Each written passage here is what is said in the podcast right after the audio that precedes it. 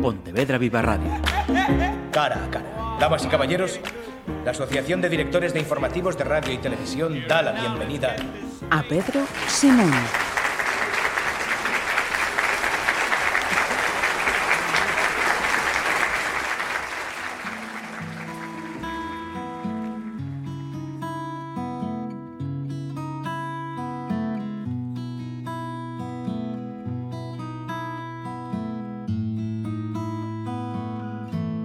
Esa niña de la foto me quiere muerto. En el retrato enmarcado que ahora puedo sostener entre las manos sin que me tiemblen, aparece muy contenta jugando en Pirineos. Acaba de cumplir 13 años, lleva una trenca verde, levanta los brazos como si quisiera abarcarlo todo y tiene la cara colorada de la emoción y del frío. A sus pies está Roberto, tirado en el suelo posando como una maja desnuda, solo que abrigado hasta arriba con un anorak. Han hecho un muñeco de nieve y luego, entre risas, la mayor le ha arrancado la cabeza. Todavía no están cansados. Todavía todo está intacto. En ese instante, Inés ignora que llegará un día en que me querrá matar. O por lo menos, no sabe que llegará un día en que me deseará que se estrelle el avión en el que viajo y que me lo dirá con voz serena, un par de horas después de que yo entré por la puerta tras haber venido de la feria del libro de Frankfurt que me lo dirá porque le he reclamado que recoja su habitación o algo similar, que me lo dirá como quien no quiere la cosa, como quien dice, ojalá hubiera pedido pizza a cuatro estaciones en vez de pizza boloñesa, ojalá se hubiese estrellado el avión. Pero estaba hablando de una foto, una foto enmarcada que sigue inamovible como todas las fotos, pero que con el paso del tiempo dice una cosa de mí. Yo sí me he movido, hoy puedo mirarla. Atrás se ve el comienzo del camino y de la montaña. En la parte baja del encuadre, asomando de un modo tímido en la imagen, se proyectan en oblicuo dos sombras invasoras que somos su padre y su madre. Esa forma de estar, a veces torcida y oscura. Recuerdo el momento justo de antes de la fotografía que sostengo entre mis manos y el de después. El momento de antes fueron las notas de Inés. Le habíamos prometido que iríamos los cuatro de excursión a aquella casa rural si en la primera evaluación sacaba buenas notas. Mi viaje, dijo nada más darnos el boletín. Así que viajamos hasta aquel pueblecito de postal aprovechando un puente. Nos hospedamos en un hotel confortable. Amanecimos temprano los cuatro, igual que cuando madrugas sin necesidad de un despertador porque quieres exprimir el día desde la primera luz. Desayunamos con esa alegría que solo te procura uno de esos interminables bufés. Nuestros dos hijos envolvieron comida en una servilleta y se la metieron en los bolsillos. Luego nos subimos al coche y fuimos hasta el comienzo de aquel camino que se nos tragó. Un camino que acabaría siendo una faucia abierta, una cicatriz serpenteante, una línea indescifrable de la mano, el arañazo de un surco. Ponte ahí con tu hermano, le pedí antes de empezar la caminata, y disparé. El momento de después. Inés vino corriendo sin bajar los brazos y se tiró a darme un beso mientras yo seguía en cuclillas. Caímos. La vieja Nikon de mi hermano Paco rodó por una peña y el objetivo se partió en dos. Aquella fue la última fotografía que hice del viaje. No hubo más excursiones así. Luego ocurrió aquello. Sí, fue como si se abriese una pequeña grieta en una esclusa que creíamos inquebrantable y todo se fuera inundando poco a poco, gota a gota, con la rutina y el transcurso del tiempo, hasta ahogarnos en pena y silencio. Ya no me abrasa esa foto enmarcada de la cómoda, aunque me pese entre las manos como un yunque, ya puedo cogerla. Inés creció muy deprisa a partir de aquel puente. Ahora que lo pienso, de eso va esta historia precisamente, de los objetivos rotos.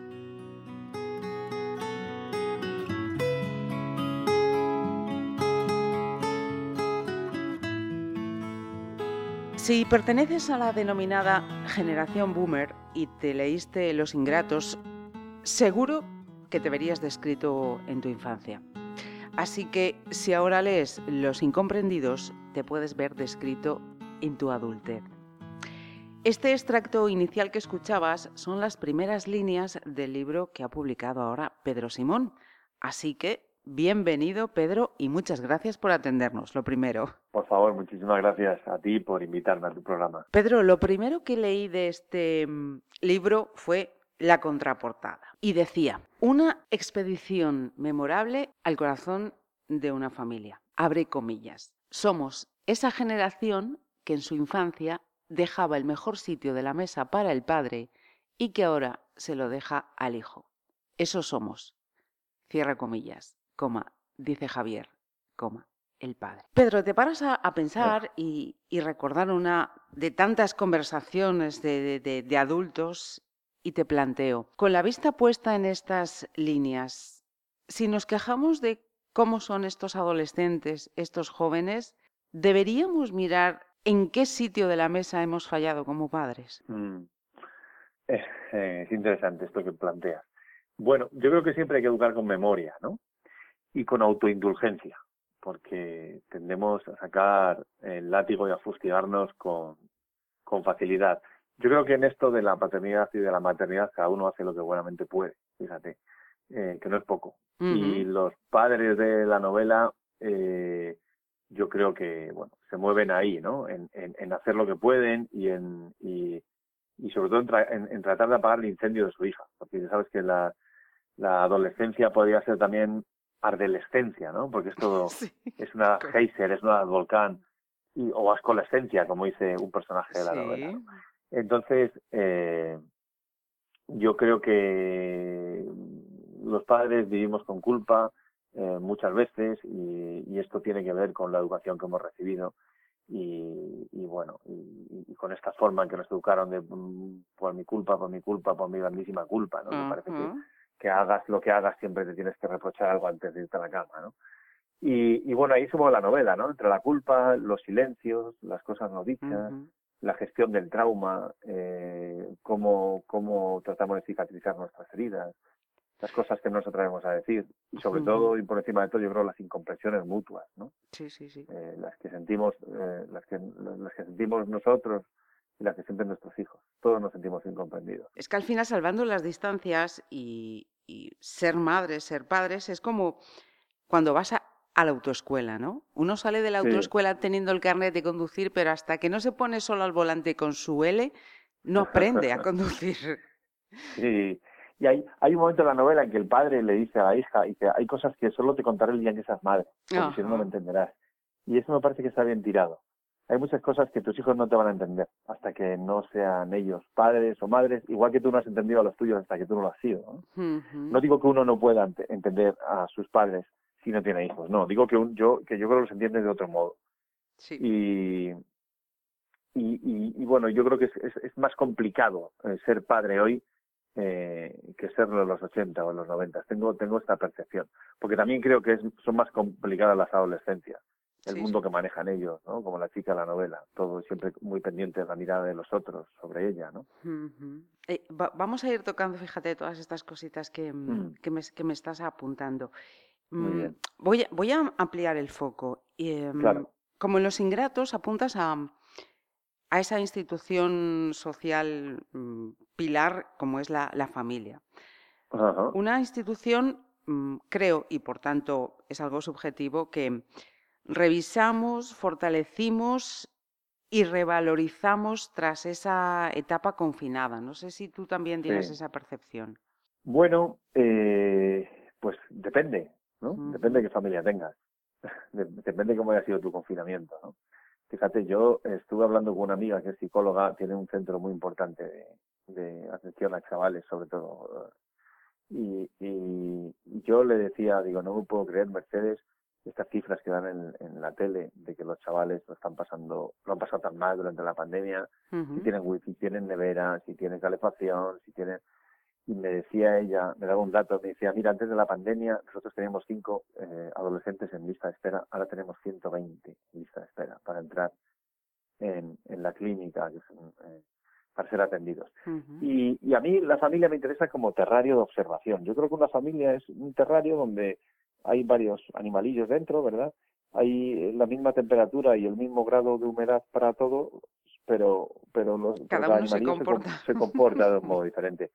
Y, y, creo que está todo en este terrario. ¿eh? Está, la, está la muerte, está el odio, está la esperanza, el amor, la culpa.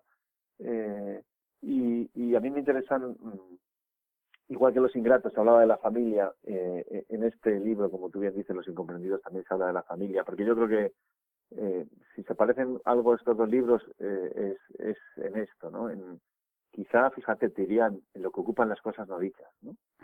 Que yo creo que es un, es un tema que se repite, que también está aquí, ¿no? Sí. En los ingratos estaba de un modo y aquí está de otro, modo, ¿no? Pero es, es alucinante cómo lo no dicho lo, lo va ocupando todo, y cómo funciona como una especie de enredadera que se va metiendo por un huequito y al final te acaba tirando, te, acaba tirando el hogar, ¿no? eh, eh, me parece muy paradójico esto. Lo que no queremos que esté, ¿cómo acaba estando? Sí. Hemos eh, mencionado muchos em, sentimientos y el silencio, que no es un sentimiento, pero también está, está muy presente. Mm.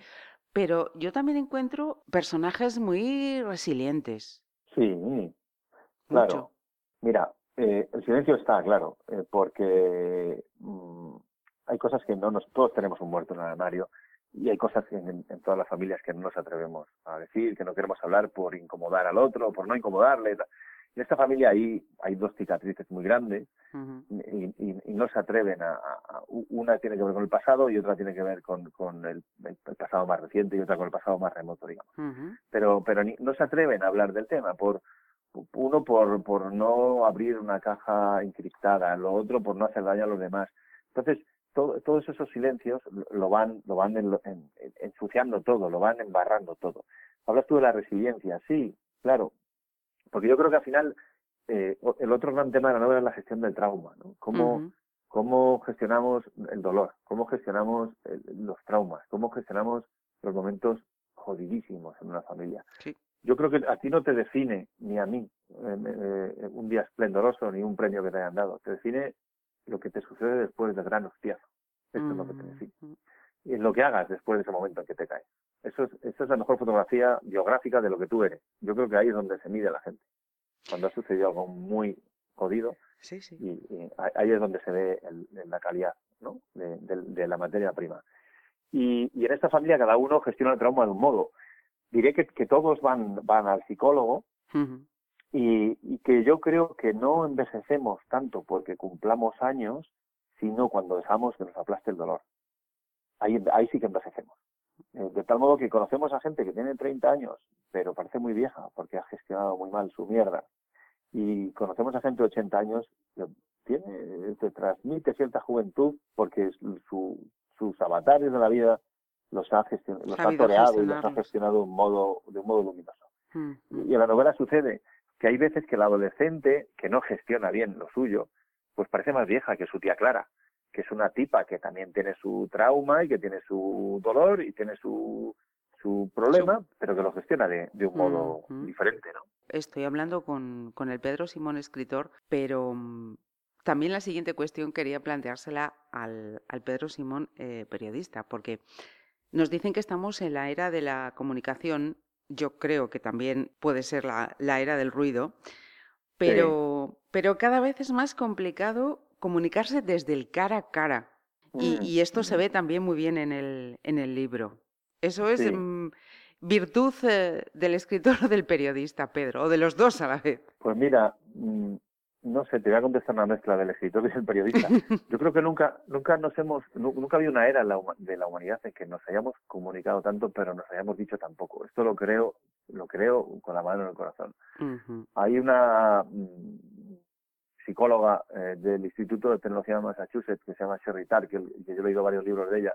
Ella dice eh, una cosa, ella dice que las nuevas tecnologías están acabando con los viejos valores y habla de dos valores sobre todo. Dice eh, que las nuevas tecnologías las, las inhumanas, que, porque las hay humanas, pero las nuevas tecnologías inhumanas que están acabando con la capacidad de empatía, mandamos un emoticono para dar un pésame, y, mm. y la capacidad de introspección. No sabemos estar solos, no sabemos estar concentrados. Esto lo ves en los chavales cuando están estudiando, ¿verdad? Siempre el móvil por ahí. Y, y claro, eh, si tú no sabes estar contigo mismo y no sabes estar con los demás, con el dolor de los demás, pues mm, no sé, yo creo que ahí hay una serie de involuciones. ¿no? en, la novela eh, yo creo que se ve, se ve mucho en, en, el adolescente, ¿no? Está muy pendiente de la mirada de los otros, por bueno, por una cosa que tendrán que descubrir, los lectores, claro, y, y por otra que, que, que, tiene que ver con su edad y con su ecosistema, que son los móviles, ¿no? Eh, debe ser muy complicado eh, vivir así. Yo, yo nuestra adolescencia era diferente, analógica, y yo sospecho Mm, que crecer así es, eh, es una faena. porque constantemente hay un ruido de fuera que te acaba dejando sordo, que te acaba dejando mudo, que te acaba dejando ciego, un ruido que te demanda alegría, que te demanda éxito, eh, y además te lo demanda ya, ¿no? y tú, a una edad en la que ni siquiera te acabas de formar tu personalidad, es esta cosa que dice Inés en la novela, dice, eh, dirigiéndose a sus padres, que dicen, pero hombre, pero ¿por qué esta chica está así? Si tiene lo mejor, tiene sus 15 años o sus 16, ¿de qué se puede quejar? Y claro, ella reflexiona y dice esto de que la adolescencia puede ser un infierno, que basta con el cielo de los otros, basta con que tú a los otros te los imagines súper bien y les veas fenomenal en su cuenta de Instagram y veas que cualquier cosa que dicen tiene 80 likes en vez de uno o dos likes, como, como tienen las cosas que tú dices, para que tú digas, bueno, es que lo, mío es una mierda al lado de lo de esto, lo mío es un infierno. Y, y nosotros todo ese barro, todo ese nubarrón de la Pantera Rosa nos lo ahorramos. ¿no? sin en nuestra época, a las 5 de la tarde, el tío que te daba la brasa en el colegio, o la tía que te daba la brasa en el colegio, desaparecía hasta el día siguiente, o, o, o hasta el lunes. Pero es que ahora hay veces que el mambo empieza a las 5 de la tarde, a las 6, a las 7, a la 1 de la madrugada, un sábado, un domingo. Es que es irrespirable lo que te entra por ahí. Sí, como dicen y ellos. así es muy complejo. Sin duda, también. Hablando de, comunicarse, en Los Incomprendidos juegan un papel importante eh, las cartas y un diario. Yo no sé si has querido hacer un, un reconocimiento al género eh, epistolar que, que hoy en día casi que es anecdótico ya. Y, y si es ah. manuscrito ya ni te cuento. Claro. No, la verdad es que no, pero sí que eh, sí que me interesa eh, sí que me interesa eviscerar eh, tanto como reportero como novelista a, lo que tenemos dentro, ¿no? abrir a la gente en canal y eso tiene que ver con mucho con la verdad. Yo creo que si me hablas de un libro que está muy bien escrito o un libro que no esté muy bien escrito, pero que, que, que, hable de una verdad muy grande, me quedo siempre con lo segundo. Y, y creo que las cartas tienen que ver con esto. Mm, eh, sobre todo cuando escribes una carta para que, piensas que no, la va a leer nadie, ¿no? Que es lo que hace el padre. eh, como, una terapia que le manda la psicóloga y le dices, tú escribe como si le, estuvieras escribiendo a tu hija. Una hija con la que no habla, ¿no? por, por, culpa de los dos, seguramente. Siempre la culpa, mesa de la culpa. Pero, pero pero pero sí que creo que ahí hay un proceso que tiene mucho que ver con la verdad. Hablar desde ese plano no esa desnudez. Y, y, eso, y ese que no te dé vergüenza a, que vean tus afectos tus debilidades tus miedos tus ganas de llorar tu necesidad de decir te quiero tu necesidad de escucharlo eh, tener los ovarios o tener las, las narices de, de atreverte a hacer eso o sea, que es que te vean desnudo, ¿no? Desde tu dolor y desde tu inseguridad. Eso me parece muy valiente. Y creo que eso, eh, eso, eso, eso, sí que me, eso sí que creo que tiene que ver a veces con, con los diarios, ¿verdad? Porque escribes en, una clave que, escribes para ti. ¿no? Sí, y ahí estás tú con, tu, con tu espejo, claro, tú tuyo. Claro, claro. Y ahí sí nos, nos soportamos la mirada. Siguiendo con los reconocimientos y y volviendo a, los personajes de esta, de esta familia, yo quería darte las gracias por, por ese reconocimiento que haces a las tías barra tíos con ese personaje como la tía Clara. Sí. Que parece delicioso. Fue, fue intencionado también ese, ese reconocimiento a, a, esa figura de los tíos. Es que, claro, yo creo que pasa una cosa. Yo creo que los tíos y tías que no tienen hijos, sobre todo, para los sobrinos es, maná, o sea, es, es oro. Eh, porque son muy generosos, eh, porque dan su tiempo siempre, porque tienen lo mejor de una madre sin ser, quitando lo peor de una madre, eh, porque porque se atreven a decirte las cosas a la cara y te miran a los ojos y te dicen no, no. Y, al, y, y, al, a, su, a, su, hermano, al padre de la, de la hija adolescente también, le hablan, hablan sin filtro. Y, yo creo que esas personas son muy importantes en el desarrollo de, la gente. Y yo quería, yo he tenido tíos así y quería, quería escribir sobre ellos, claro. Quería, quería, quería rendir un pequeño homenaje a mi tío Natalio, que era un personaje, era un personaje así. Pues como tía sin hijos te doy las gracias también, Pedro. sí, sí, claro, me parece fundamental. Y fíjate que la tía Clara parece a veces más joven que, que, que su que su adolescente, ¿no? que, su, que su sobrina adolescente. Pero por esto que decíamos, ella también tiene su trauma, ¿no? Pero lo gestiona de otro modo, ¿no? Eso es. Eh, con muchísima luz. Todos queremos ser tías claras y al final somos más como ese padre que es un poco cagón o como esa madre que no se atreve. pero todos queríamos ser Don Quijote y, acabamos siendo más Sancho Panza. Más Efectivamente. Claro, claro. Es esto que dice la tía Clara, dice que, no, que me dicen a mí que no hable de los adolescentes o de los hijos porque no tenga hijos, dice como si no pudiese hablar eh, eh, de las eh, de las mierdas de los perros por la calle pues, porque no tenga perros. Porque no, tenga, eso es, eso es. Em, otra cuestión más. Mira, has, has retratado a los, a los boomers, vuelvo al comienzo de toda esta charla, como como hijos, en esta última novela, como padres. ¿Me dices cómo los retratarías en el, en el lugar de unos abuelos? Bueno, pues de, de, eso va la tercera parte de la trilogía, ¿Ah? digamos. hay, una, hay un tercer libro planteado que, que, es como una especie de trilogía sentimental de los baby boomers y van por ahí los tiros un poco. Y da mucho miedo, ¿eh? porque al final todos vamos teniendo padres y madres mayores y al final son un spoiler eh, de uno mismo, ¿no? De lo que te puedes acabar convirtiendo. Yo no sé cómo se gestiona esa etapa. Eh, yo no soy creyente y me gustaría hacerlo porque veo que la gente que quiere se enfrenta a, lo, a, la, a la etapa más dura de la vida con otra luz. Entonces yo no sé eh, lo que nos queda. Lo, que, lo, que, lo, que, lo que sí, lo que nos queda, dice un amigo mío, dice, a partir de los 45, dice, le dan la vuelta al jamón. y me hace mucha gracia porque me parece muy gráfico, ¿no? Ya, entonces ya, ya, ya le hemos dado la vuelta al jamón, ya no estamos comiendo la otra parte, ¿no? Eso es, eso es. Eso es, estamos jugando el segundo tiempo también, que dicen. Exactamente, exactamente. El segundo tiempo. Exactamente. Pues em, que yo os invito a quienes estéis escuchando que, em, que dediquéis un, un tiempo que, no es dedicarle tiempo porque lo vais a disfrutar a los incomprendidos. Y yo después del último que nos ha dicho Pedro, ya sé que me queda esperar a que llegue ese tercer título para, para ver qué le pasa a esa generación eh, boomer como, como abuelos. De momento, darle de verdad las gracias a, a, Pedro por este tiempo que nos, que nos has dedicado. Muchísimas, muchísimas gracias. Muchísimas gracias a ti por tu generosidad y por tu cariño siempre. Pontevedra Viva Radio. ¿Me permiten que les haga un comentario como espectadores del programa Cara a Cara?